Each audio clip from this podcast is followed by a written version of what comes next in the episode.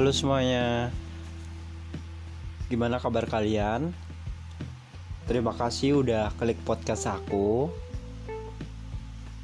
Seperti judul yang kalian lihat Sekarang Aku mau tanya ke kalian Sebenarnya apa sih yang kalian cari? Ya sebenarnya itu juga pertanyaan yang akan aku ajukan sendiri ke aku.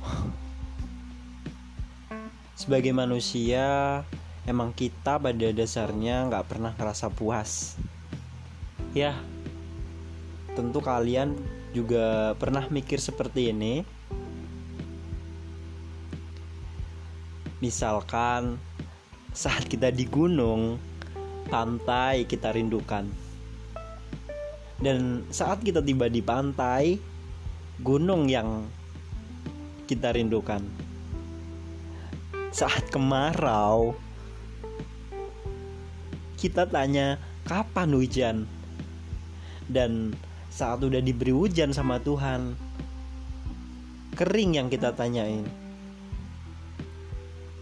Gak hanya itu, saat kita tenang di rumah, pengen pergi dan saat udah pergi kita pengen ke rumah lagi kita udah dapat ketenangan tapi kita masih pengen keramaian. Kita mencari ke sana kemari. Dan saat keramaian itu kita dapetin kita temukan kita rindu akan ketenangan itu. Sebenarnya apa sih yang kita cari? Belum berkeluarga terus kita cari istri cari suami.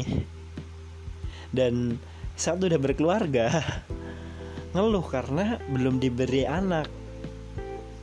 Dan alhamdulillah saat udah diberi anak masih ngeluh karena rezekinya kurang ya karena rezekinya kurang.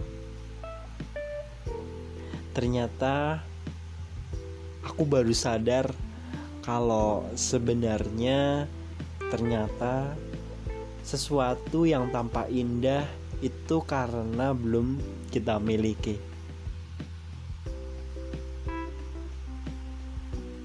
Lalu sebenarnya kapankah kebahagiaan kita bisa kita dapatkan? Ya kalau belum ada selalu kita pikirkan sedang yang sudah diberi sama Tuhan sering banget kita abain. Bukankah udah banyak banget yang kita dapetin?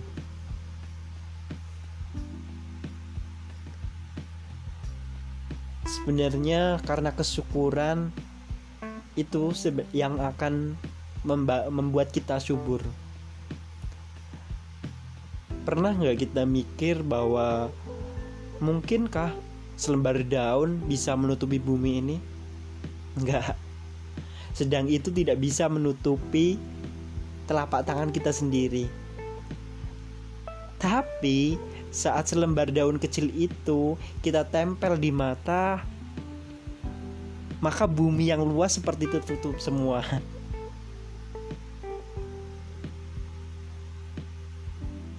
Hal itu juga hatimu, hatiku, jika ditutupi keburukan. Seolah-olah semua isinya selalu kejelekan, terlebih dengan sesuatu yang gak cocok sama hati kita. Seluruh bumi seolah gak ada lagi kebaikan sama sekali. Padahal letaknya cuma hati kita yang ketutupan tadi. Maka sebenarnya jangan pernah kita menutup mata dengan daun kecil. Jangan pernah kita tutup dengan kotoran secuil sedikit pun. Kita harus banyak bersyukur dengan Tuhan meski kelihatan kecil kelihatan mungil kita harus terus istiqomah dengan sunnah maka itulah kunci keberhasilannya Ya, jika buruk hati kita, maka buruk juga akhlak kita. Bila tertutup hati kita yang kecil ini, maka tertutuplah segala sesuatu seluruh isi dunia ini. Jadi syukurilah apa yang ada pada diri kita, maka di situlah kita akan memuliakan diri kita sendiri. Belajarlah berterima kasih kepada Tuhan sebagai modal untuk memuliakan namanya. Ya, karena hidup adalah waktu yang dipinjamkan Tuhan kepada kita. Dan sebenarnya harta yang dititipan kita adalah sebuah anugerah yang dipercayakan. Teman-teman,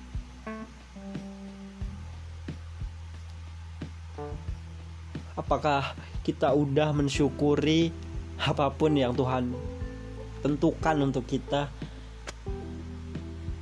Apa sudah kita ikhlas dengan ujian yang diberikan sama kita?